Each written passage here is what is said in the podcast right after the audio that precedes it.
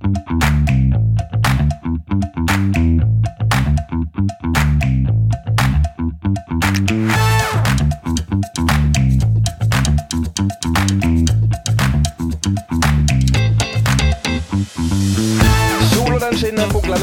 Og det er nesten T-skjortetemperatur ute. Heldigvis har det ingenting å si, for inne i kottet her jeg sitter for anledningen, her er det litt sånn dunkel, mørke og kald stemning. Og hos deg, Karlsen, der er det liksom alltid god stemning i gutterommet og Pepsi Max i glasset. Hjertelig velkommen til en ny episode av Kevin og Karlsen podkast, din favorittpodkast. Vi er ferdige med feiring av 80 episoder, vi er ferdige med NM i trylling, og vi er ferdige med liveinnspilling. Nå er vi tilbake der vi trives best, foran skjermen på hver vår kant av landet. Hei, Karlsen, så kjekt å se deg. Hei, hyggelig å se deg også. Ser du, du, du podder direkte fra en eller annens garderobe. Her ser vi rett inn i det hemmelige rom med masse greier og stæsj og gud veit meg hva. Der sitter du godt bevart bak en Mac og en liten mikrofon. Jeg har blitt forvist til kottet på hytta. Vi heiv oss rundt i går kveld og tok en impulsiv tur og bare pakte Cornelius og alt av tilbehør og barnevogn i bilen. Og så kjørte vi til det blide Østland. Så vi er ikke så langt ifra hverandre denne gangen som, eh, som du er vant til med. Men eh, vi sitter nå på hytta. Det er jo en perfekt oppladning til ei hyggelig jobbehelg på Østlandet. Så eh, det ble litt lenger enn planlagt, men her sitter vi. Ja, så hyggelig. Det er jo hyggelig at du nok en gang er på våre trakter uten å stikke snuten innom, men det får bare være. Det har jeg gjort meg ganske vant til nå, så det er jo sånn det har blitt. Det det sånn Men eh, blitt. hvis du ja. hører hvis, hvis jeg snufser litt mye i dag, så får jeg beklage det, men jeg har ligget med korona i nesten to uker. Ja, Og du det er faen meg Jeg fikk det jo faen meg til slutt. Ja, Jeg tror søren meg jeg har gått rundt her og flagga at eh, korona biter ikke på Supermenn, men eh, der tok jeg jo alvorlig feil, for den kom smygende. Jeg aner ikke hvordan jeg har fått det, for Det jeg har ikke jo. hørt noen andre i Trondheim som har fått det. Nei, men det stemmer jo at det ikke biter på Supermann. For meg og deg delte rom. Og du sendte melding til meg på mandagen etter vi kom hjem fra Trondheim og fortalte at Ja. du hadde fått korona. Jeg har ikke fått noen ting. Jeg har ikke hatt symptomer engang. Så um, Nei, og det er litt rart, så tett som vi legger, at ikke du har blitt smitta. ja, det er veldig merkelig. det er jo uh, Ja, nei, det var, det var hyggelig, det. Men uh, det er godt å se at du er frisk og opp igjen nå, og at du er på bedringens vei, iallfall. Ja, bedringens vei, men fortsatt uh, veldig tett i bryst og eh, pappen. Men det, det er iallfall veldig mye bedre. Altså det, det er ikke, jeg har tenkt på det sånn i etterkant, at vi, med, hvis man ikke har fått disse vaksinene, tror jeg, jeg tror jeg hadde ligget for døden. Enkelt og greit, for jeg var så styggdårlig på det verste, altså. Jeg tror jeg var i risikosonen. Jeg var sikkert en av dem jeg som kunne blitt tatt inn og ligget der på, med alle maskiner tilkobla og alle lå Men har ikke det der noe med altså risikosonen, har ikke det noe med alder å gjøre? Jo, det jeg sier. Ja, du er litt i grenseland. Ja ja, jeg er jo ærlig på det. Det er jo ikke noe stress, det. Det er jo Det er sånn det har blitt, det. Nei, det var faktisk uh, verre enn Ja, jeg det, det var det, Ja, nei, det var helt merkelig. Det var ja, styggdårlig. Faen, jeg har aldri hatt så mye hodepine så mange dager på rad uten at noe tabletter beit på i hele tatt. Det var bare Nei. dundrende hodepine.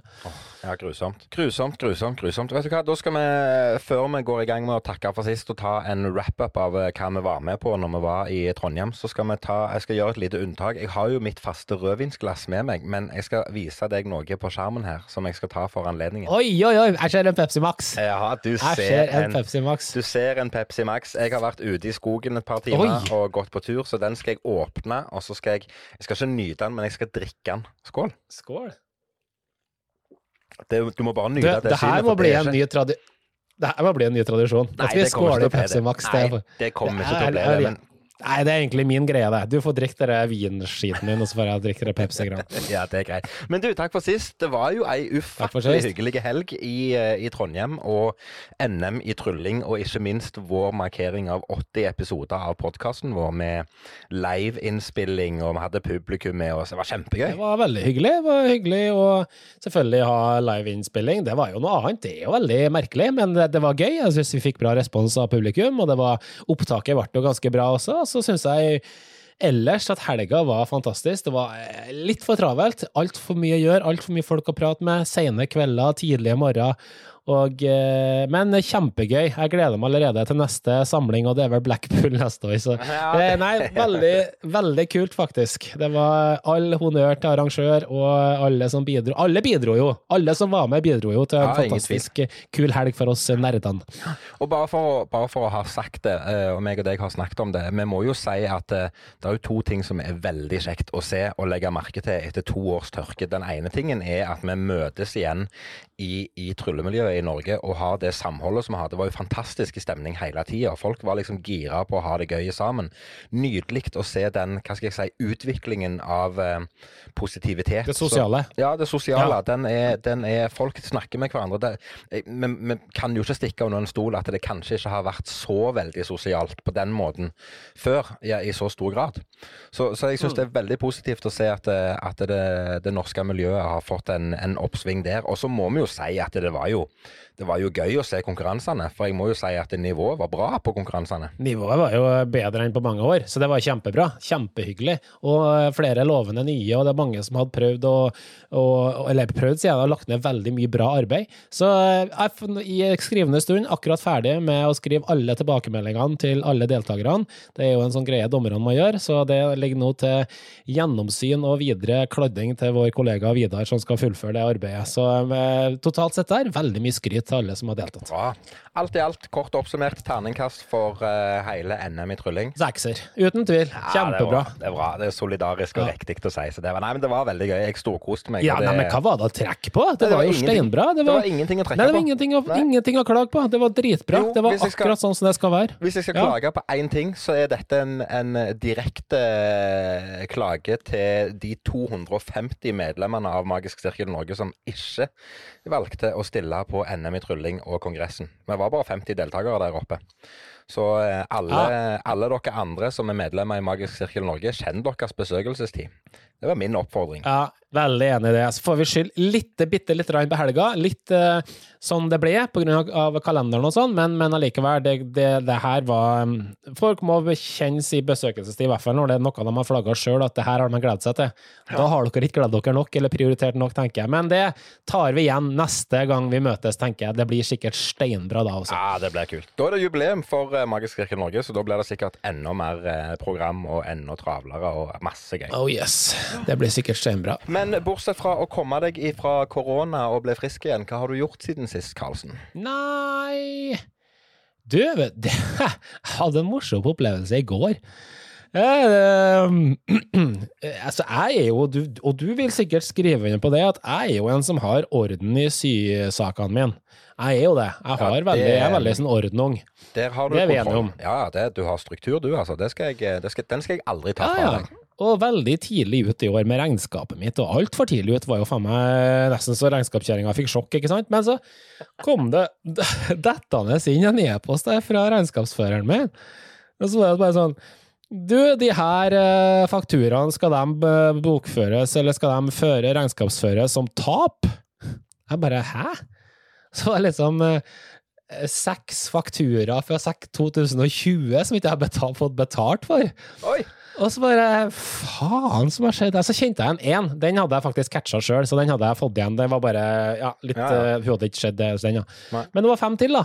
Ja, det var jo gleden. Så da ble jeg litt sånn stressa, for du vet jo aldri når det kommer eh, halvannet år etterpå og sier «Øh, du, den fakturaen eh, eh, hvor, ja, du vet, Det kan være litt sånn en merkelig situasjon. Kanskje Ja, den du til og med kommuniserte med, har slutta, og det kunne ha blitt skikkelig eh, dritt der. Ja, Men det eh, gikk jo veldig greit. Alle ble fiksa på sporenstreks, og plutselig så Ja, ble det jo litt mer penger. Det var jo gull.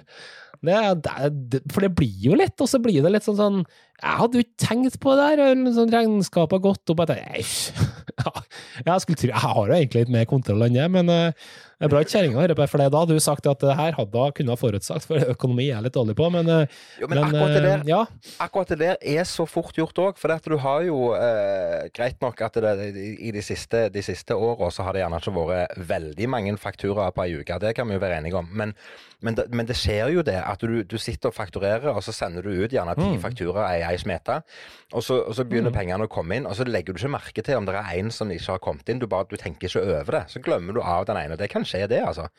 Så, Ja, og så har jeg vært litt sløv de siste årene med å faktisk følge opp selve faktureringssystemet mitt, eh, for om det, har blitt eh, bokført eh, innkommen. da. Eh, Så jeg har, på en måte har skjedd det at jeg har ikke gjort det i hele tatt, ikke sant? Men, men, men, og jeg følger ikke med på regnskapet, for det sitter jo regnskapsføreren med. Så når ikke kundefordringene der går opp, så er det veldig kjekt at noen sier fra. Hvis ikke, ja, seriøst, de pengene har vært long gone Ja, for lenge siden. Det, men det er jo bare tegn på at du har uh, hatt, eh, hatt gode år rent omsetningsmessig, når du ikke legger merke til at de pengene ikke har kommet inn. Det er jo bare Jo, jo, positivt. jeg, jeg, jeg hadde jo faktisk det under korona. Jeg hadde jo faktisk gode år. Så det var ikke så, det, for meg så var det ikke så gærent. Så det, det, det var kanskje det som var litt sånn rart, at det Ja, det var Ja, jeg vet jeg vet det søren. Men eh, kult i hvert fall. Det var godt. Jeg, jeg bare slo meg etterpå. Jeg måtte faktisk sende en eh, mail til regnskapsføreren. Når, blir, når må jeg skatte for de pengene? Har jeg skatta for inntekter som ikke har blitt bokført, eller eh, der fikk, Jeg fikk ikke fått noe svar. Der må jeg si at min eh, litt sånn eh, 25 år gamle utdanning detter litt i fisk. Ja, ja. Eh, Det blir kanskje i år jeg må eh, betale skatt for dem, siden jeg får pengene i år. Ja, jo, det blir vel det, for du får jo Du mottar vel Nei, jeg vet ikke hvordan det der funker. Jo, du Du skatter vel. skatter vel av pengene som du faktisk har mottatt, så det Ja, må ha mottatt det. ennå, så det må være det. Ja. Ja, ja, sånn er det. Ja. Så det var jo greit. Plutselig så økte omsetninga i 2022. Ja, ja, men så fint. Sånn. Det, det er jo ikke omsetninga heller, det er bare innkommende. Ja, bare tar det. Deilig. Det er sånn det skal være. ellers har jeg lagd gruppebestilling, da. Det er jo litt kult. Eh, apropos vi snakker om tryllekongress her. Vi har jo gjort Ja. en eh, 35 nordmenn skal til Eller det var jo ikke 35, helsike, altså. Det var en sånn gruppebestilling, ikke sant? Så var det liksom sånn Alle som har bestilt fra ja, whatever. Svarte liste på 35, da. Tror du det var 35 på den lista? Nei da, Nei. for familien Bo Hoseth har meldt seg på 170 ganger, for de klarer ikke å huske på den de har meldt seg på. Så de tripler jo hver innmelding. Nei, skjerp dere i nord. Ja, men du tar vel, du tar vel betalt da for alle påmeldingene? Selvfølgelig. Ja, ja. Eh, Og jeg sier jo til han at han aldri har betalt, så han betaler jo meg han tre-fire ganger hvert år. Ja, så jeg går sånn i pluss, jeg, takket sånn være den familien. Så det Ja da. Det er akkurat sånn det skal være. Det er veldig fint. Nei, Det var, det var en ting jeg Nei, men her blir det sånn veldig, veldig på si, da, og vi trenger ikke å snakke noe lenge om det her, men jeg, jeg prøver å følge med litt på nyhetene. Ting som jeg kjenner jeg, Ting Jeg som blir litt sånn overraska over Ja, ting som skjer. Ja. Og det her er jo absolutt noe som på en måte egentlig ikke opptar meg i hele tatt, men som jeg, synes, jeg var litt overraska har ha fått med meg det her. Og det var, du vet de damene som hopper, ikke sant? Eh, skihopping. Ja, det har jeg så vidt hørt noe om, ja. Det har jo vært masse føss gjennom i mange år, og vi hadde en norsk Ja, ja. eh, forkjemper der, videre. Altså, i 2023 blir det endelig beslutta at damer får lov til å drive med skiflyging. 2023. Helt latterlig at det skal ta så lang tid. Altså, det, det, det, må jo, det, må jo, det må jo skrives ned et sted. At vi klarte å vente til 2023 med å ha tro på at damer også faktisk klarer å være i lufta i fem-seks sekunder. Ja. Det er, så enkelt kan du faktisk si det. Det er Ja, er ikke det merkelig? Ja, det er kjemperart. Det det er synd, det er trist, Det her er en sånn mannsjournalistisk eh, bullshit, dritfaenskaps, ondskaps Altså, for noen jævla unger som sitter i det selskapet der og bestemmer at nei, skiflyging, det er for mannfolk. Men kjør Ja, meg Det kan du si. i skogen, da. For noe jævla drit. For noe jævla piss. Ja, men er ikke du enig? Altså, hva er det her? Hva var det du sa? 'Kjør meg i skogen', var det du sa? Mangel på noe bedre uttrykk. Jeg vet da søren. Ja, Nå det forsvant du fra skjermen min, men det er kanskje greit, det. Jeg tror jeg er tilbake igjen nå. Jeg hører deg iallfall. Jeg hører deg, om jeg ser ikke der kom du. Ja, der var jeg tilbake. Ja, så bra. Så bra. Det var bare litt mye trafikk på nettverket her på hytta, så jeg måtte bare endre. Det går bra. Ja. Nei, jeg er enig med deg. Det er latterlig at, eh, at det skal være så tungrodd og vanskelig og, og eh, ja, faktisk udugelig. Eh, men veldig kjekt at det faktisk skjer, da. Ja, det er jo kjempebra, men jeg bare syns det er så tragisk at vi skal gidde å bruke tid på sånne ting, som er bare helt Selvfølgelig skal han få lov til å hoppe. Ja, ja. Herregud. Helt sant. Ah, ja. Jeg er helt enig med deg. Ja da. Ja, hvordan Nei, jeg har hatt det så- siste uka? Nei, det er hyggelig at du Ja, spør. ja, takk som du spør, ja. ja. Liksom, ja, nei, drit i Kevin, bare Karlsen får snakke. Det er fint, det. Det er, det er sånn jeg har det i våres Ja, men du vet, når du putter på ei kron på en trønder, da går jo det- da går kjeften, ikke sant? Da går minutteren, og da går pod-episoden. Men ok, nå skal jeg sp Men du, Kevin, hvordan er det med deg? Hva har du gjort siste uka? Kevin, Kevin har det veldig bra. Kevin har det fint. Uh, hva har jeg gjort siste uka? Jeg sendte jo melding til deg her om dagen når jeg sto og eh, kødda med den der eh, forbanna terrassen min. Eh, Fjerning av gammel terrassebeis og vasking av terrasse for å forberede til ny beising, det er med unntak av å male hus, så er det den dummeste arbeidsoppgaven som fins. Det, er- Mm. det er grusomt. Men, men. Jeg har nå iallfall gjort det. Jeg ble ikke ferdig for, siden vi heiv oss rundt og, og, eh, og valgte å kjøre til Østlandet. Så det er jo en hyggelig jobb som venter meg når jeg kommer hjem. Og på toppen av det hele så hadde jeg, eh, jeg hadde et par spennende jobber forrige uke. Den ene jobben var faktisk veldig gøy. Eh, og der fikk jeg gjøre noe som jeg eh, jo, jeg har vel gjort noe tilsvarende før, men ikke helt på samme måten. For det var, Se for deg at du skal være konferansier på ett arrangement, men så er arrangementet delt i to, så du må være konferansier dobbelt opp. Så det var sånn, sånn, det ble litt sånn Logistikken i dette her, det er jo egentlig bare å gå på, på sal 1 og gjøre programmet, og så går du på sal 2 rett etterpå og gjør programmet der òg. Men det fordrer jo at logistikken for alle involverte går opp. Det fordrer at servitørene gjør sin jobb, og at kokkene gjør sin jobb, og at eh, Kevin gjør sin jobb, osv. osv. Men det var veldig gøy. Det var mm, Ja. Eh, det er gøy å kjenne på Dette har vi snakket om mange ganger, men det er gøy å kjenne på at vi er tilbake til normalen, og at vi får litt kule oppdrag, at vi får litt spennende jobber, og, og at det er litt utfordring inne i bildet. Og så er det jo litt ekstra gøy å kjenne på at den her gode rutinen og den erfaringen vi faktisk har etter så mange år i gamet, at den begynner å komme tilbake igjen og bare vise seg fram. Og at du liksom ikke stresser Ja. med noe. Kjempegøy. Veldig fint. Ja, ja, det er jeg enig i. Men jeg må jo si eh, Vi snakka jo litt sammen her i helga da jeg også var ute og tryllefantet litt. Og det, når du kommer, og du har eh, skissert at du skal gjøre et oppdrag for rundt 150 personer, og det skal være standup, og du kommer til stedet, og det er ca. 30 som ser deg. Alle resten sitter bak noen palmer, og de sitter med ryggen til, og de sitter på en, en, et nedbygg, på en måte, så de har umulig mulighet til å se deg selv om de reiser seg. Da er gode råd dyre. Da er du glad for at du pakka med deg close-up-materiale i tillegg, og bare heller bare si som det er. Det her funker ikke, vi kjører close-up. Det blir steinbra, det blir ikke som dere har tenkt, men det blir kanskje enda bedre.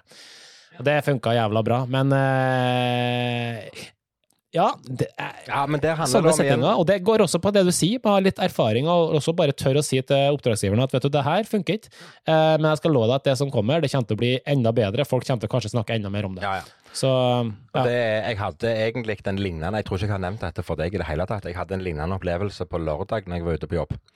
Eh, skulle være med på åpningen av en ny hall, og kommer der og har ikke tenkt noe over mer enn at jeg skal bare ha show der for de som er, og er med på åpninga av hallen. Kommer til location, og, og der eh, spør jeg da hvor er scenen, og, og sånt. Og så sier jeg nei, scenen er her. På trappa ut forbi inngangen.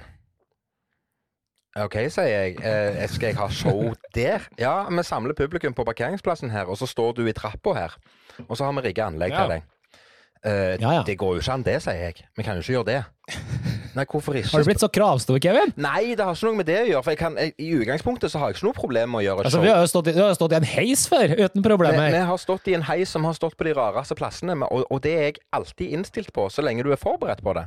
Jeg var ikke forberedt på Ja, å ha show ute, og det var som jeg sa til arrangøren, jeg har med meg rekvisitter som, i tilfelle det begynner å regne, jeg har med meg rekvisitter som, som er litt ømfintlige for vann. Jeg har med meg, Ja, har med meg eh, ting som krever fingerferdighet, og når det blåser ti kalde grader, og ikke akkurat er, er midt på sommeren akkurat nå, så blir jeg kald, og da er det ikke så lett å gjennomføre den fingerferdigheten som jeg faktisk skal bruke. Så, så, men heldigvis da, så er det som du sier, vi har litt erfaring, og vi har muligheten til å hive oss rundt på en femøring og gjøre endringer. Så jeg valgte å gjøre et par endringer underveis. Og så lagde jeg et show som var ikke helt sånn som jeg hadde planlagt, men som ble bra nok under de forholdene som var der da. Så det ble en, det ble en hyggelig dag på jobb for all del, men, men det, er, det er som du sier, du må ha den der evnen til å hive deg rundt og bare gjøre det beste ut av situasjonen når ting oppstår. Og det kommer kun med Ja, erfaring. ja, det er sant, det. Veldig sant. Og nå fikk jeg jo veldig lyst til å snakke om noe, jeg hadde ikke planlagt det, men eh, jeg tror jeg gjør det likevel. Fordi eh, apropos å være tilbake eh, Jeg er redd for å si det her, men det er nå en gang sånn at mm, Ja. Ja, nå, er jeg spent, nå er jeg spent på hva som kommer. Nei, det blir egentlig ikke det, for vi har snakka om det her. Fordi at det noen gang så syns jeg det at det er, det er ikke helt riktig, ting som skjer på noen gang når vi er på oppdrag. At eh, hadde vi vært damer og blitt klådd på, for å si det, kall en spade for en spade, som skjer ved mange anledninger, så hadde det blitt oppstandelse. Det har blitt slakt, og det har blitt metoo, det har blitt eh, avisoppslag asap. Ja, for du tenker Men på det som skjer. fordi vi er menn, Ja. jeg tenker på det som skjer spesielt, nei, ikke bare close-up, men også når vi står i scenen og står tett med folk, så er det liksom utrolig hva vi må finne oss i bare fordi at vi er menn. Og det syns jeg er Nå skal ikke jeg klage, for jeg elsker å gjøre den, ha den jobben som vi har, men det betyr ikke at det er greit. Og det, det syns jeg er ja, nei, jeg fikk bare lyst til å si det, fordi det er ingen andre som tør å si det. Kanskje Ja, men- det er sånn at man- skal- folk bare elsker det, jeg vet ikke. Det du skal fram til, det er disse herrene situasjonene som oppstår mer enn én gang. Der eksempel du står med et bord og gjør close-up, eh, og har gjort de trylling, og da er det liksom plutselig helt greit at uh, en person, en annen person bare skal kjenne på kroppen din hvor du har gjemt mynten henne, eller hvor kortstokken ligger hen, eller gå ned i lommen din på buksa, eller sjekke på Ja. innsida av dressjakken osv. osv. For det gjør folk uten å tenke seg om, og tror det er helt Ja. greit. Og det, og det, er ikke, det er ikke det mannlige kjønn som gjør det. Nei. Og det, og det, det er så dårlig tilslørt, da. Eh, og jeg, bare- jeg tenker på hvis det hadde vært en kvinnelig tryllekunstner, og vi hadde gjort det på hun, hva hadde skjedd da? Nei, det hadde blitt oppstandelse. Jeg er helt enig med deg. Det, men der tenker jeg jo eh, at vi kan arrestere oss sjøl litt òg. For at meg og deg er flinke til å snakke om dette og fortelle hverandre det når det, disse tingene oppstår. Men, men, men det har jo ikke eh, jeg skal ikke uttale meg om dette er en så stor utfordring som det vi legger det fram om akkurat nå. Om dette er en ting som, som mannlige tryllekunstnere blir plagte med. Men jeg, eh, jeg tror jo det er et snev av sannhet i det. Men, men det er klart, vi har jo ikke gjort noe for å sette søkelyset på dette. Annet enn at vi snakker om det nå. Ja, nei, jeg, når jeg, meldte, jeg snakka jo med deg om det her eh, når det skjedde, og da tok jeg meg frihet til å bare nevne det til en par-tre andre i miljøet samtidig, og Ja. jeg får akkurat den samme bekreftende tilbakemeldinga, at det her er noe de også opplever. Og da tenker jeg at da er ikke det tilfeldig. Da er det ikke Da, da, da skjer det. Eh, og det står ingen plass i kontrakten min at det, det er bare å forsyne seg, liksom. Og det Jeg syns, det blir litt sånn feil. Og så, så er det sikkert mange her som er ute nå, som kanskje er gutter eller jenter eller damer, som tenker at nei, men nå får du nå får dere skjerpe dere. Menn liker jo eh, tilnærming, så slutt å tulle, liksom. Men, men det er ikke det det handler om. Det her handler om at vi er der for å gjøre en jobb, vi har fått betalt for å gjøre en jobb, og vi er der for å gjøre det vi skal gjøre. Ja. Ingenting annet. Og eh, Nei, jeg er enig Ja, med deg. nei, men jeg- men det, ja. det handler nok òg litt om eh, det handler kanskje litt om eh, type vår framtoning òg. Jeg, jeg sier ikke at vi inviterer til at hvem som helst skal få lov å, å ta på kroppen vår, det er ikke det jeg sier. Men, men litt i framtoningen vår så er vi litt sånn tongue in cheek og er litt frampå og er litt tøffe. Det Ja, men gjør jeg syns ikke det er Nei, bra nok. nei, fordi igjen, jeg det jeg sa i stad, hadde det vært en kvinnelig Og det er flere og flere kvinnelige tryllekunstnere der ute nå, og det syns jeg er kjempepositivt. Ja, det er. Det er en annen diskusjon, men, men hvis det hadde la, la oss ta Magic Club, da. Ja. Neste gang Magic Club Oslo, så er det med noen kvinnelige tryllekunstnere. Og så sitter folk der og klår på de tryllekunstnerne der. Hva hadde skjedd da i media dagen etterpå? Magic Club hadde blitt nedstengt. Ja, Det hadde ikke vært aktuelt. Det kom til å blitt slakta. At det var et sted hvor kvinnelige tryllekunstnere eh, ikke kunne gå fra bord til bord uten å bli klådd på. Nei, jeg, Mens jeg, jeg er enig med deg. det skal være helt ok for oss andre. Ja, Nei, det er feil. Det er, men igjen, der har jo vi som artister en jobb å gjøre og eh, bevisstgjøre vårt publikum på at dette ikke er akseptert, og at dette ikke er greit. Jeg sier ikke at vi skal blåse det opp og gjøre en stor kampanje ut av det, men, men, men det handler om, og når disse situasjonene oppstår òg, så handler det om å gi en tydelig beskjed om at vi ikke aksepterer det. Eh, så, så, så, så i den grad jeg Jeg skal ikke forsvare noen, eh, noen som helst, men i den grad jeg gjør det, så, så vil jeg bare fram til at, det, at det, når vi eh, opplever det, så må vi bare si ifra. Vi må tørre å si ifra. Ja. Det, det som kommer til å skje, er at vi har noen lyttere. Det kommer ikke til å være en eneste reaksjon på denne pod-episoden. Ingenting overhodet. Nada. Alt er greit. Det er bare forventa. Vi bare kutter ut og jamrer og fortsetter å leve det livet vi gjør. Og det kan dere helt sikkert mene. Jeg bare sier at eh, det, det jeg, gjør, jeg tar ikke noe skade av det her. Jeg bare sier fra at det er på en måte ikke greit. Det kan være andre folk der ute som syns at det er ubehagelig. Eh, ja, det er ikke definitivt. alle som kanskje har den selvtryggheten, kanskje som vi har da, Kevin, at vi bare ja, ja, sånn er det, vi, vi driter i det, og det betyr ingenting. Men det kan faktisk være noen som har, kall det et slags skjold, en slags ytre greie hvor det har en veldig tydelig grense, og det, da kan det faktisk få andre konsekvenser, og det er ikke greit. Jeg er helt enig. Det Ja, jeg, jeg har ikke så mye mer Men nå ble det altfor seriøst. Nå har jeg lyst til å prate om noe som er litt mer morsomt. Ja, Da kan vi snakke om noe som er morsomt. Eh, vi kan snakke om, Jeg har to ting på, på plakaten. Du skal velge tema én eller tema to. Oi, vi er såpass, ja? Ja. Ja, da velger jeg én. Ja, Det er Wordle. Hva sa du? Det jeg sa tema én, det er Wordle. Den nye dilla. Som du må bare teste ut. Eh, Hva skal du for noe? Har du ikke hva hørt Jeg Har du ikke hørt om Wordle? Wordle. Og Wordle. Ja. Jo, men jeg sitter jo her og hører og, eh, på den crappy lyden Ja, du sender det meg. Det er jo ikke, ja opp, det er ikke opptakslyden jeg hører. Nei, Jeg hører det er jo det crappy Det er helt sant. Men ja, OK. Wordle, Ja, hva, det har blitt den nye du må snakke ja. Jeg gleder meg til å Mm. våkne hver dag med en ny Wordle-oppgave. Og det har blitt ei sånn greie greie som jeg koser meg med. Jeg syns det er steingøy. Og så irriterer jeg meg over at det ikke går an å bare hoppe rett på neste oppgave når du har løst den ene oppgaven. Du må liksom vente i 24 timer. Men det er litt gøy, det òg. For det bringer meg tilbake Ja. til den samtalen vi har hatt om TV-serier, der vi måtte sitte og vente i uke på neste episode av X-Files. Det det er litt det samme òg. Det bygger litt opp den der spenningen. Og jeg gleder meg til å liksom eh, logge meg inn på New York Times og finne den nye oppgaven.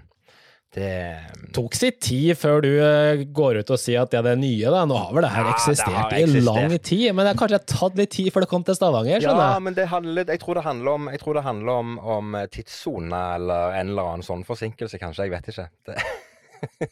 Ja. Ja. Nei, men jeg syns det var gøy. Jeg synes det er gøy. Men eh, det var bare en uh, liten ting. Jeg skal òg fortelle at jeg har, vært, uh, jeg har vært gjest i en podkast. Husker du jeg anbefalte deg en podkast her for en stund siden? Ja, og jeg hørte eh, to episoder. Jeg tror det bare kommet to episoder. Eh, ja, jeg er, litt, jeg er litt usikker, men det har iallfall kommet ut en ny episode nå. For eh, undertegnede fikk æren av å være gjest i eh, forrige ukes episode. Ja, Så Riktig. Du må gjenta navnet, selvfølgelig. Ja, selvfølgelig. Det var det jeg skulle til å gjøre nå. Jeg var gjest i en podkast ganske nyoppstarta som heter I hodet på mannen. Som er en kompis av meg som heter Christer, som har starta sammen med en som heter Andreas. Christer han er en helt normal, vanlig familiefar med to unger og kone. Og er eh, for å si det på en fin måte, så er jo han over middels nysgjerrig. Han, han lurer på alt, og han stiller spørsmål til alt, og syns dette er Alt som kan, kan læres om det, syns han er gøy. Uh, men alt i alt så er han, uh, hva skal jeg si, eh, representanten for den vanlige mannen i gata. Andreas han, er, han har en tung utdannelse på mange forskjellige ting. Annet så jobber han og har sin egen klinikk der han jobber som sexolog. Og, og de to i sammen har lagd en, en podkast der det handler om å ta et lite dypdykk inn i hodet på mannen, og sette kanskje søkelyset på ting som menn kan, og ting som menn kan bli bedre på. Type snakke om følelser. Eh, Ja. Og ta opp, ta opp tematikk som er interessant for mannen, og ikke minst for andre mennesker som lever i en relasjon til mannen. Enten en annen mann eller ei Mm. dame eller eh, hva som helst. Altså alle disse herrene disse tingene som, som, som jeg kanskje burde bli flinkere å snakke om, eh, både oss menn imellom, men òg med våre respektive partnere. Så, så veldig hyggelig å, å, å, å få lov til å være gjest. Vi snakket om um, alt jeg skal si. der. Ja, vent litt, ikke si noe. Vent litt, for jeg skal bare en liten kommentar der. Fordi, fordi jeg hørte jo første episode, jeg syns det her var veldig bra. ja. Eh, og så hørte jeg også andre. Det første var jo om litt lystproblematikk og ereksjon og litt for sånne ting. Og så var det om relasjonsting og konflikter og sånne ting. Kjempebra. Nå ser jeg det kommer fire episoder, da, så jeg må høre meg litt opp her. Men jeg syns det er veldig bra når jeg ser episodelista. Første, andre episode, tredje episode handler om menn i relasjoner del to, og så kommer tittelen på episode fire. Porno! Gjest Kevin Lunde. ja, Det nemlig. er kunne ikke vært bedre tittel, og det, det passa bare så ufattelig bra. Ja, jeg måtte jo, jeg må jo, jeg må jo, eh, jeg måtte jo stille spørsmål med det når, jeg, eh, når vi starta opptak med at eh, temaet for dagens episode er porno, og selvfølgelig så skulle jeg bli invitert som gjest på det. det var, jeg så ikke helt den linken, det må jeg jo ærlig innrømme. Men for, um, for alle som hører på podkaster, så er dette iallfall en podkast som jeg anbefaler å sjekke ut. For det er Andreas har veldig mange gode synspunkter på tematikken, og Christer er veldig flink til å følge det opp. Så, så eh, anbefales å sjekke ut. Og I hodet på mannen, det er en podkast som kan høres på alle plattformer, sånn som du kan med Kevin og Carlsen-podkast. Så eh, check it out. Veldig gøy. Ja, det var, det var dagens reklame for eh, en av våre andre podkaster som ligger på vår eh, favorittlista for tida. Og det, det er Hashtag veldig reklame for en venn kan vi vel legge inn her. Det kan vi gjøre. Men Kevin, vi kan ikke sitte her bare og prate svada, fordi jeg har også et uh, trylletema for dagen. Yes, dagens trylletema. Da er vi litt uh, tilbake i det nerdete hjørnet igjen. Og det er jo sånn, Kevin, at med alle kortstokker som vi kjøper, og som andre folk også kjøper, Ja. så kommer det jo alltid jokere. Og så kommer det noen sånne reklamegreier, gjerne. ja. Iallfall på de kortstokkene vi kjøper, så er det litt reklamekort, ja. Men det er vel gjerne ikke så vanlig på en kortstokk som du Nei, kjøper på Det er ikke det er iallfall med jokere, da. Det er veldig vanlig. Ja, det er vanlig. Um, og for, for de av oss som kjøper litt sånn spesialgreier, så er det ofte mye sånne blanke kort Men det. er ikke så farlig. Um, mitt spørsmål i dag, det er egentlig ganske enkelt. Hva gjør du med jokerne? Ja Det var et ganske egentlig enkelt spørsmål. Eh, men eh, jeg kan mens du tenker, så, så, så kan jeg tenke litt sånn ut av boksen, og ikke som tryllekunstner, da. Så eh, vet jeg jo at veldig mange sånn som har hyttekortstokker og sånne ting, de tar gjerne vare på, vare på jokerne, fordi de har jo denne hyttekortstokken i 237 år. Eh, til den er cirka like bred som den er stor, som den er høy, som den er lang. Ja, ja. Eh, og da bruker man gjerne de jokerne til å skrive 'her har du kløver 7', for den mista vi i, for sju år siden, og vi har ikke kjøpt oss noen ny kortstokk på Nei, Esso siden da. Det er ganske normalt. Eh, så, det, så sånn sett der er det jo veldig opplagt hva jokerne brukes til. Men for oss da, som åpner en kortstokk om dagen, eh, hva gjør vi med det her 104 pluss jokerne vi eh, bruker i løpet av året? Det kan jeg fortelle deg nøyaktig hva jeg gjør med mine. Eh, I syv av ti tilfeller så går de i søppelbøtta sammen med reklamekortet og plastikken som kortstokken følger med. Ja. Men jeg tar vare på noen, og det er fordi at av og til Du nevnte det at av og til så trenger vi noen spesialkort og spesialkortstokker. Og sånt. Og av og til så hender det at jeg har behov for noen spesialkort. Det kan være noe så enkelt som eh, spoiler alert, at av og til så trenger vi et kort som har baksider på begge sider, f.eks. Og istedenfor å kjøpe disse kortene, så har jeg bare lært meg den metoden der vi demonterer et spillkort og tar av liksom sidene. Eh, der jeg bare lager et kort sjøl med, med dobbel bakside, som det kalles, osv. Så, så jeg tar vare på noen av de jokerne i tilfelle jeg trenger sånne ting. Uh, noen ganger så gjør du uh, triks med bare noen få kort, der du f.eks. skal gjøre et pakketriks med bare fem jokere og et annet kort, f.eks. og sånne ting. Så det er jo gøy å ha noen i hus, men, men som jeg sier, i syv av ti tilfeller så kaster jeg de. Det gjør jeg. Mm. Det, Ja. Men sant, vi får jo litt, Det- får jo litt dillo av og til på Husker du den der skulpturen jeg lagde? Den her stjerna? Mm, De sjablongene som du skjærer ut, og så setter du de sammen til en slags snøkrystall. Sånne ting kan jo jeg få for meg å gjøre en gang iblant, og da bruker jeg jokere til det. For det er liksom Så slipper du å Mm. ødelegge en hel kostdag. Men, men ja, nei, det er øh, Ja, nei, jeg har ikke noe bedre å si. Det er det som skjer. Ja. Her er det jo For jeg er veldig enig i det du sier, det, og det går veldig enkelt hjem for alle de som ikke er tryllekunstnere, og kan veldig lett forholde seg til det. Ellers er det jo faktisk en, eh, et par triks som uh, bruker jokere, og der er det veldig greit å ha jokere, men du trenger jo liksom ikke 100 stykker, men det er, det er et veldig bra triks for alle tryllekunstnere ute der som ikke kjenner det. Uh, nå må jeg bare tenke på hvem som har det. Uh, han er veldig kjent, han er død. Aldo Colombini. Han hadde jo et trikk triks som heter Joker Dilemma, som er jævlig kult. Og er der kult, trenger det. du faktisk to, to 54 jokere, Ja. og så trenger du en, ett eller to vanlige kort. Og det er utrolig bra triks, og der eh, kan det være greit. Da har du, jo, har du jo den. En annen ting som slo meg, som egentlig du sa, og det å bygge sånne gimmicks, selvfølgelig. Jeg, hadde ikke gidda å splitte, jeg bare limt sammen to, så hadde det blitt et tjukkere kort, men det får bare være. Ja. Men en ting som er interessant, som kanskje tryllekunstnere kan tenke på som eh, Og det er at det å ha jokere i en kortstokk, mener jeg i hvert fall, det kan psykologisk sett også få en kortstokk til å se en mer normal ut. Det er jeg enig i. Det er faktisk et godt innspill. Det er, for Ja. det er veldig mange ganger det oppstår at jeg gir fra meg en kortstokk for at en tilskuer skal blande kortstokken. Og det første de Mm. gjør, det er å snu den rundt, og så skal de, for det første så skal de telle at alle kortene er der, og så skal de sjekke om det er jokere. Ja. Og, det, og, og en annen eh, greie som kan brukes der, er at eh, la oss si du får en kortstokk, og de blander kortstokken, så får du tilbake kortstokken. Så, å faen, jeg glemte å ta ut jokerne. I disguise med å ta ut de, korts- de jokerne, så kan du gjøre noe annet samtidig. Og det, det er sånn par ting som kan være eh, ja, som man kanskje ikke tenker på, men som kan brukes på en god måte, tenker jeg da. Nei, Godt innspill.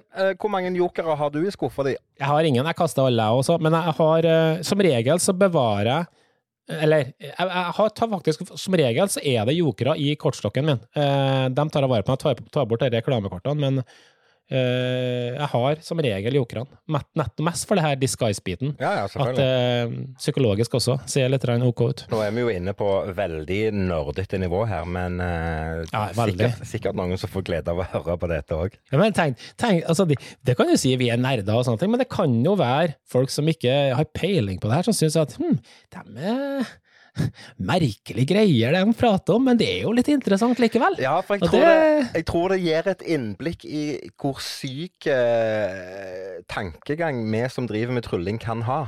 For vi tar hensyn Ja. til så ufattelig mange rare ting.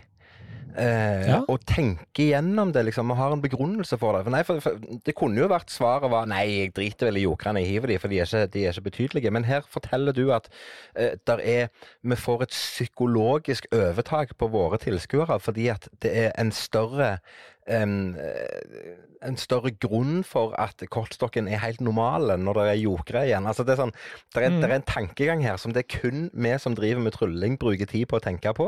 Men jeg, jeg, jeg tror det er akkurat det fenomenet som gjør at det blir interessant for alle som ikke driver med trylling, å høre på òg. For det er at de tenker hva i all verden er det de bruker tid på å tenke på? Ja, men jeg tror det er et godt poeng, for det viser litt av dimensjonen hva trylling egentlig, egentlig handler om. Det er ikke bare å vise triks, det er masse greier som spiller med, og at, uh, som gjør at eh, publikum blir underholdt. da. Så, men jeg, igjen, vi har snakka om eh, sikkert eh, sjakk 100 000 ganger i denne poden også. Jeg forundrer meg jo ikke om de her sjakknerdene også har eh, triple og kvadruple sett av sine sjakkbrikker. De bytter kanskje ut den ene bonden nå og da, fordi at i dag er det den lykkebonden skal være med, som har en svart prikk under seg. Den bringer alltid Det er helt sikkert noen sånne supersære ting, og det syns jeg kunne vært kult å høre om. Så jeg skal ikke se bort for de syns det er litt kult å høre om den nerdetingene våre også. Nei, nei, og det, vi, vi bruker mye tid på synsing og mening om sånne små detaljer som er i det store bildet for en person som ikke er tryllekunstner, så er det totalt likegyldig. Det, det har ingenting å si.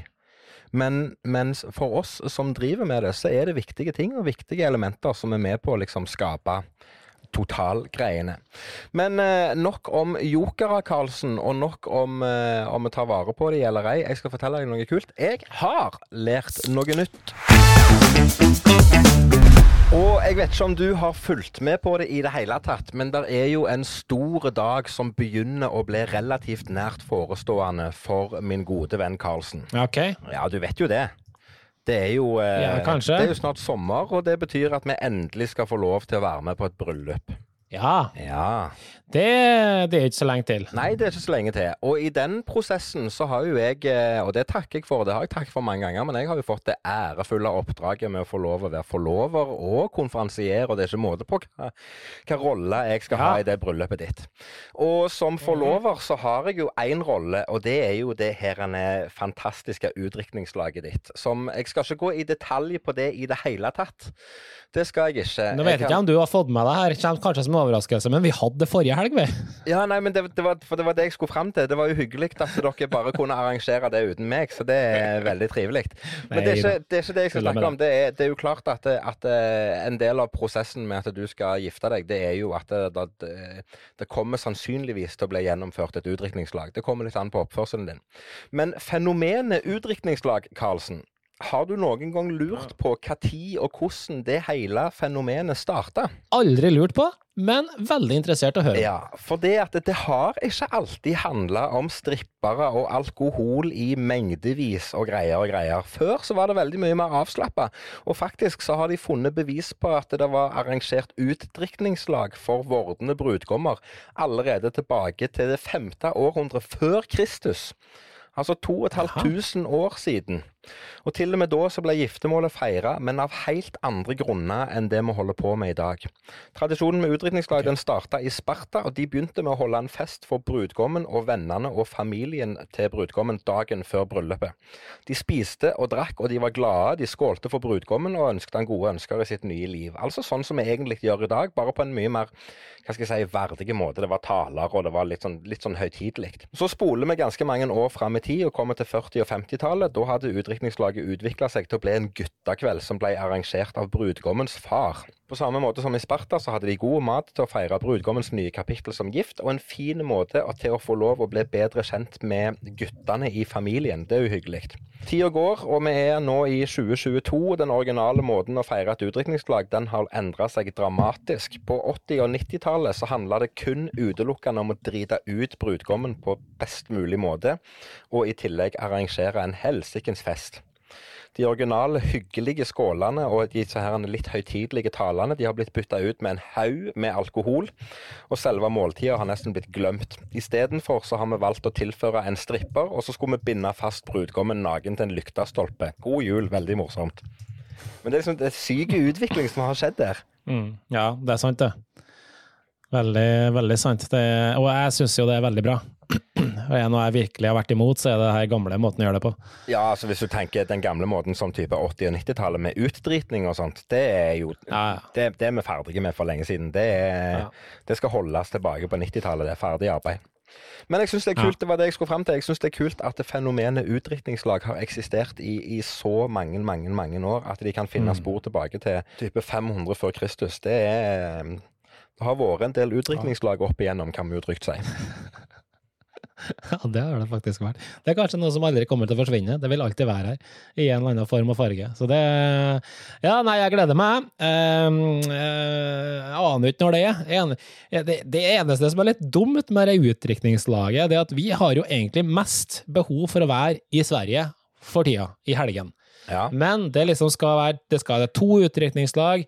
Har, jeg har nå jobbhelg nå, og så er det diverse ting, og så er det et bryllup vi skal i, og så er det enda et utdrikningslag. Tre utdrikningslag, og det hadde vært fire utdrikningslag nå, pluss bryllup vi skal i, så det, det, det går liksom ikke opp. Så løp kan, kan, kan vi bare kan ikke dere bare, kan ikke bare si når det er, så kan jeg vel planlegge litt bedre? Uh, nei. Nei, det kan vi ikke. Nei, men takk for uh, informasjon. Gleder meg som sagt til det skjer. Jeg har også en uh, fun fact for dagen, og jeg har jo tenkt å være eh, en skikkelig stor nerd i dag, og jeg drar det her fun facten i trylleretningen, faktisk. Ja. Og før jeg kommer med fun facten, så må jeg jo spille et spørsmål, fordi vi har jo ofte snakka om det her, når vi, vi tryller jo litt med mynter og sånn, og um, det har vi snakka litt om, og, og, vi, men vi bruker veldig ofte dollarmynter.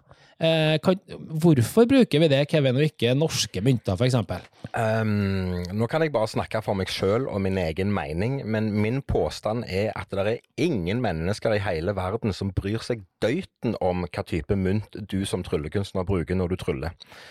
Om det er en norske mynt, eller om det er en euro, eller om det er en engelske pund, eller om det er en amerikanske dollar, eller hva det er for noe. Det er ingen som bryr seg.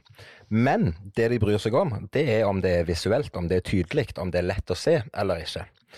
Og For min del så er grunnen til at jeg bruker amerikanske dollarmynter todelt. Den ene er at de myntene er relativt mye større enn f.eks. en norske 20-kroning, så den er dermed mer visuelle og lettere å se på litt avstand. Den andre grunnen er at det faktisk finnes noe som heter spesiallagde mynter. Eh, og mynter som har forskjellige egenskaper og sånne ting. Eh, og det finnes mennesker som tar seg tid til å lage sånne mynter, og da velger de som oftest gamle amerikanske dollarmynter fordi de er i sølv, de er litt av verdi, og det er litt, eh, hva skal jeg si, litt fint å jobbe med. Eh, så derfor Ja. så blir det det. Så, så min eh, grunn, det er ingen som bryr seg til, til det, derfor bruker jeg amerikanske dollarer, fordi at det er lett å få tak i de forskjellige spesialmyntene jeg måtte ha behov for. Ja, og jeg er enig i det. Det var ikke det det skulle handle om, egentlig, men, men jeg er enig i det. For min del så er handler det mest om at eh, norske mynter er gørr kjedelige. De er små, de er stygge, mens sølvmynter er veldig visuelle, de er veldig store og vises veldig godt. Så det er veldig Men det jeg lurer på, det er om du faktisk visste om det her, fordi det er nemlig en skjult liten hemmelighet i de her sølvdollarmyntene. Og det er faktisk hvor de er lagd. Eller rettere sagt, hvor de er trykt, eller støpt, om du vil, eller minted, da, som det kalles på engelsk. da. Um, og vi har jo sett på de her eh, myntene hundretusenvis av ganger. Jeg hadde fakt det her faktisk som jeg lærte siste uka, jeg visste faktisk ikke det her. Men hvis du kikker veldig nøye på de her dollarmyntene, så, eh, så står det og det gjelder Morgan dollars eh, spesifikt, under, der, under ørna der det står one dollar, eh, mellom D-en og O-en, så står det noen gang en bokstav. Det kan være en O, det kan være en S, det kan være en CC eller en D. Og O-en står for New Orleans, S-en står for San Francisco, CC står for Carson City, og D-en står for Denver. Og står det ingen bokstav, de er superkryptisk små, så betyr det Philadelphia. Fordi det er her den mynten originalt alltid har blitt lagd, inntil man utvida det her trykkeriet til å være på flere steder. da. Og så er det en par unntak på noen årstall hvor det kom noen nye regler i USA, blant annet på grunn av eh, samlere som eh, lagde et problem for dem som drev og laga de her myntene. Men det her syns jeg er litt kult, for det her visste ikke jeg. Og det, da, nå, nå kan vi faktisk se altså hvor de her myntene har trukket. Og så er det én fun fact til. Eller den er ikke fun engang, det er Oi, bare en fact. fact Og det er at Morgan Dollars gikk igjen i produksjon fra 2021. Hva du sa? Kaboom! Hva var det du sa? At de gikk De har nok en gang begynt å pro blitt produsert i 2021. Oi! Har de begynt å produsere dem på nytt? Det er jo litt kult. Oh yes, men koster nå helvete. Det koster ca. 1000 kroner. Ja, ikke at det er så mye, da, i forhold til tryllemynter, men, Nei, nei, men, men- det her er råmaterialkostnaden. Altså det du, du må kjøpe den for, fordi det er samleobjekter. Eh, så 2021 Morgan Dollars koster ca. 1000 kroner stykket. Jo, jo. Og det er da før de i hele tatt har begynt å fikle med å lage dem til, til eh, tryllemynter, for å si det sånn. Jo, men det er vel er, ikke, er ikke det fortsatt pga. Uh, mengden sølv som er i de da? For de myntene vi bruker, de er jo hva er det, 90% sølv, eller noe sånt? Ja, det er både det, og at det selvfølgelig det er ikke så mange som trykker som før, selvfølgelig. Og så har de da selvfølgelig den her eh, avstøpninga, dem òg. De har en O den gangen her, og det er da de er laga i New Orleans. Kult, så jeg syns det altså. var litt kul greie. Ja, det er kult. Nerde-fun fact. Jo, men det er ikke så lenge siden jeg så på en episode av den der han- Hva heter det der han uh, Den der pantelåneren i Las Vegas. Uh, de, Porn, uh, Pornstars, er det ikke ja. det det heter? De Ja. har jo ei greie der det kommer folk inn av og til med en mynt som de har funnet i skuffa til bestefaren, så de har arva eller noe sånt. Og da er det veldig Mm. ofte fokus på hvor mynten er trykka henne. For det at hvis han er trykka i det årstallet på det og det trykkeriet, så er det verdt hinsides mye penger. Og hvis han ikke er trykka der, så kan det bare være. Så det er jo eh, faktisk litt interessant. Eh, og det kan jo være at vi sitter Vi har jo en del dollarmynter etter hvert. Det kan jo være at vi sitter på ei gullgruve uten at vi aner det. Hvem vet? Hvem vet? Eh, jeg tror til syvende og sist tror jeg totalverdien av alt jeg har av trylling, er nok større enn verdien av den ene mynten som måtte ligge et eller annet sted. Det kan godt tenkes, det. Nei, det er fint. Det er alltid godt å lære noe nytt. Men, og, og apropos lære noe nytt, så har jeg lyst til å gå litt tilbake til, til mm, mitt tema og min fun fact for dagen, der jeg snakker om utdrikningslag. Jeg kunne jo ha spurt deg ut i det vide og det breie om hva du ser for deg i ditt eget utdrikningslag, og hva du ikke ser for deg og sånt, men det føler jeg jeg har ganske koll på. Jeg har ganske kontroll på, på på, på type Hva er det du kan si ja til, hva er det du har lyst til å være med på, hva er det du ikke ønsker å være med på. Så det er noe helt greit. Så vi skal ikke snakke om deg og ditt utdrikningslag. Det skal vi ikke. Men, men du nevner jo sjøl at du har vært på en del utdrikningslag i det siste, og skal på flere og sånn som det her. og eh, sånn på stående fot, eh, hva, hva har du vært med på som har vært den kjekkeste opplevelsen i et utdrikningslag? Ja, det var et uh, godt spørsmål, fordi jeg tror at utdrikningslag handler jo kanskje egentlig ikke om det andre, det handler mest om hva vi får til sammen, og så skal det selvfølgelig være noe spesielt for han som uh, utdrikkes, da. Uh, jeg setter jo pris på egentlig at det er vi skal ha det litt gøy sammen. At vi skal sitte og prate, og vi skal jalle, og vi skal mingle, og vi skal mimre. og egentlig bare ha det koselig, og skal vi selvfølgelig gjøre masse annet. Jeg husker, Men det er også ting som har vært morsomt, som jeg aldri kommer til å gjøre igjen. Jeg husker var på, Du var kanskje ikke med på det, men jeg var på Håvard sitt uh, utrykningslag. Så var vi jo på Politihøgskolen og hadde brytetime.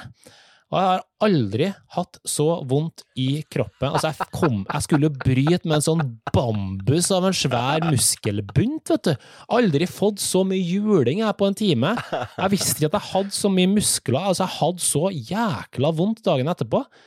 Det var på en måte sånn det er jo en grunn til at jeg husker det. Det er ikke fordi at jeg syns det var veldig gøy å bryte, men det var at vi gjorde noe helt annet som jeg aldri kommer til å gjøre igjen, og det Ja. synes jeg er litt gøy. Ja, det er gøy. Mm, så, men ellers syns jeg Nei, jeg synes det er bare kult å treffes. Det er kult at noen gidder å bruke tid på den ene personen som Ja, ja, skal og det er jo det sosiale aspektet som er gøy her. Du, du treffer jo Én ting er at du treffer eh, folk du kjenner fra før av, men det er jo alltid en eller flere som du aldri har møtt før. Og klart For brudgommen sin del så handler det jo om den der eh, Å bare få lov til å tilbringe en kveld sammen med gutta boys og kompisene og ha det hyggelig med de. Men ja, det, det gjør Mm. jo at, det- at guttegjengen blir litt mer sammensveisa. Så det er jo det sosiale aspektet. Så jeg er helt enig i deg. Mm. Det handler om, og, og jeg liker det du sier med å med å kanskje gjøre noe som du sannsynligvis aldri får være med på før igjen. Det er jo litt gøy at du benytter en sånn anledning til å gjøre det. Men Ja. kan du trekke fram noe som du har vært med på som har vært liksom sånn fy faen, dette skal jeg aldri være med på igjen, for det var helt bare teit. Nei, vet, jeg, har, jeg har faktisk ikke vært i så veldig mange utdrikningslag. Jeg. jeg har jo ikke noen venner, jeg har sagt det før. Jeg har ingen som gidder å invitere meg. Så Stakkars Karlsen. Nei, men det er faktisk litt sant. Et lite, ja, et lite sidekick der. Um, nei, men jeg har ikke vært i så veldig mange, um, så jeg har egentlig ikke noe jeg skulle ha sagt der. Men uh, jeg har jo sett bilder av når du vokses og barberes fra hode til tå i alle bauger kanter. Jeg hadde ikke hatt noe behov for å være med på å se det, for å si det rett ut. Nei, det skjønner Det, jeg jo veldig det, godt. det egner seg best på bilder i etterkant. Nei, det gjør ikke det Så heller. Det, det- er nå helt greit. Nei, det gjør ikke det. Eh, Og det er jo en eh, Så Nei, eh, nok om det. Men, men jeg regner jo med du har hørt om alle disse historiene med folk sånn som jeg nevnte i stad, folk som har blitt bundet fast nakne til en lyktestolpe. ja, det er bare tull. Ja, det er tåpelig. Sånne ting, det, det, sånne det, ting er jo- Altså, hvis det skjer med meg, Kevin, da har vi Our friendship is over. Ja, det er jeg fullt klar over. Det kommer ikke til å skje, det kan jeg love deg. Det, det, for det ble, altså, akkurat de tingene der, det, det var gjerne gøy en gang. Jeg har hørt historier om, om folk som har liksom, de har blitt skjenka drita, og så har de blitt satt på nattoget fra Stavanger mot Oslo. Og så har de våkna sånn i sekstida på morgenen, da er de i Drammen og bare sånn Jeg lurer på hvor jeg er henne. Og så mm. skal du komme deg av toget, og så skal du finne ut hvor du er henne, og så har du verken penger eller mobil eller noen ting. Med. så det, den, det, er så, det er så ufattelig stygt gjort mot en annen person. Selv om den personen syns det er gøy, så tenker jeg vet du hva, det er unødvendig. Det var gjerne gøy en gang, og, og der og da i situasjonen så kan det godt være at du blir trigga, og så syns du det er en kjempeidé, og så syns alle det var gøy. Og så blir du liksom med på gruppepresset. Men sånn, sånn sett utenifra så tenker jeg vet du hva, det, vi må gjøre noe kjekkere enn det, altså. Jeg kan jo være tilbøyelig med faktisk si at det kan være litt morsomt å skjenke den og sende dem et eller annet sted. Da. For ja, jeg er enig i at tidene har forandra seg, og det, det er jo ikke noe vi hadde kommet til å gjort. Og det tror jeg handler mer om at tidene har forandra seg, og det, det hører liksom ikke hjemme i dag. Men hadde du nå funnet på å gjort det lell, så hadde det kanskje vært litt morsomt allikevel. Jo, da fordi hadde det vært det hadde vært så forskjellig fra hva alle andre gidder å gjøre. At det bare er sånn Gjorde dere seriøst det? Faen, det er jo helt crazy. Jo, men da tenker jeg, da, Eh, da, kunne, da kunne du jo vært altså type, type La oss nå ta deg som et eksempel, da. Jeg hadde jo aldri kommet på å sette deg på nattoget med en enveisbillett og bare liksom sånn you're on your own. Det, det, det, for det, for det syns jeg bare er stygt gjort. Men hvis jeg skulle ha gjort et eller annet sånn, så hadde jeg jo, så hadde jeg jo sannsynligvis eh, tenkt at OK, men vet du hva, Karlsen han skal få lov til å fortsette utdrikningslaget sitt i morgen òg, han. Så vi, vi sender han med bussen til Sverige, og så våkner han opp på, på, på, på, i huset til svigers. Det kunne jo Mm. vært ei greie. Men da hadde det vært gjennomtenkt og planlagt på den måten der, og det hadde vært gøy der og da, og da hadde du sannsynligvis satt pris på det. Men, men eh, den der greia der med å være stygge med andre på, på den Nei, eh, jeg ser ikke gleden med det. det jeg kan være med på sånn type eh, På sånn type Det har jeg vært med på. Jeg hadde en, eh, en kompis som, som sa at jeg er med på alt, men jeg hopper ikke i fallskjerm. Det er helt uaktuelt å hoppe i fallskjerm, og hvis jeg må hoppe i fallskjerm, så, så eh, kommer jeg til å streike, og jeg kommer aldri til å snakke med dere igjen. Ever. Eh, Og da fant vi ut at det skal han få lov å slippe, men det er litt gøy å leke med tanken på det. Så vi fant ut at vi skulle hive han opp i et akrobatfly. Og det er jo klart at uten Ah. at han vet at han Ja. skal i et akrobatfly, så møter han opp Altså, vi tar han med på flyplassen, han blir møtt av en pilot. Han får beskjed om å ta på seg fallskjerm i tilfelle noe, i tilfelle noe skjer. Og liksom fram til han får beskjed om at han skal fly akrobatfly, så tror jo han at faen for en gjeng med møkkakompiser jeg har, som faktisk skal ha meg til å hoppe likevel. Så der og da så er vi jo veldig stygge med han, for han trodde jo oppriktig at han skulle hoppe i fallskjerm. Men så når han kommer opp i flyet, så får han beskjed om at du skal slippe å hoppe ut. Hvis du hopper ut, så hopper jeg ut òg, og da skal vi komme oss ned i sammen. Så ikke tenk på det. Nå skal vi fly og ha det gøy, og vi skal gjøre loop og korkskru, og du skal få lov å fly sjøl, og det var ikke måte på. Så han hadde jo en kjempeopplevelse, men det var som han sa sjøl. Prosessen ifra å akseptere at vi skulle til flyplassen, og til å sette meg inn i flyet der, fram til jeg begynte å ha det gøy, det var vondt, altså. Det Ja, det kan jeg faktisk, den kan jeg faktisk skjønne. Ja, det Den er- ja. Så, Men jeg Den er litt stygg, den, men, eh, men det er veldig gøy det som blir gjort, da. Ja, absolutt. absolutt. Og det er det det handler om. Jeg kan med hånda på hjertet si at jeg skal ikke gjøre noe som er direkte stygt mot deg, men uh, vi vet aldri hva dagen bringer. Jeg gidder ikke å høre på engang, for det, om, det, om det er trusler eller åpne trusler eller bare joke, I don't care. Jeg tar det som det kommer. Eh, Men eh, det som er ulempen med Carlsen, det er jo at Carlsen kan jo ikke å drikke. Og det, det, det er jo kanskje liksom det som ofte er gleden med mange utdrikningslag, det er at det skal drikkes så mye. Men eh, altså, gi meg kasse med Pepsi Max, så blir jeg happy den dagen. jeg. Det Ja, blir men, eh, kjempebra. Det kan godt være at det blir Pepsi Max. Vi skal ikke se vekk ifra det. Men da blir det Pepsi Max Mm. som er tweaka og hacka. Ja, vi er der, ja. Ja, nei, vi, vi. Captain Morgan med Pepsi Max. Vi får se. Den dagen den kommer, når han kommer, og hvis han kommer. Men eh, vi får se. Det, det vet ikke du. Det kan skje på en tirsdag, og det kan skje på en torsdag, og det kan skje på en søndag. Det er Ja. Så fra nå av og fram til bryllupet så skal du egentlig bare sove med ett øye åpent ute. Det får være det siste ordet i eh, denne episoden av Kevin og Carlsen podkast. Det har vært en glede å snakke med deg atter en gang, Carlsen. Har du mer på hjertet? Ingenting. Jeg bare gleder meg til din eh, fantastiske avslutning. Da kan jeg få lov til å takke for nok en episode av eh, din favorittpodkast, Kevin og Carlsen. Det har vært en glede å ha deg med. Vi setter veldig pris på at akkurat du hører på. Det syns vi er kjempestas. Har du ris eller ros eller andre tilbakemeldinger eller spørsmål eller noen ting som helst, så ta gjerne kontakt med oss på sosiale medier og eh, Eh, spør, lur, kom med kommentarer, gjør hva du vil. Eh, det setter vi kjempepris på. Fram til vi snakkes igjen, så har jeg bare én ting å si. Som alltid, min gode venn Karlsen, ha det bra! Hei!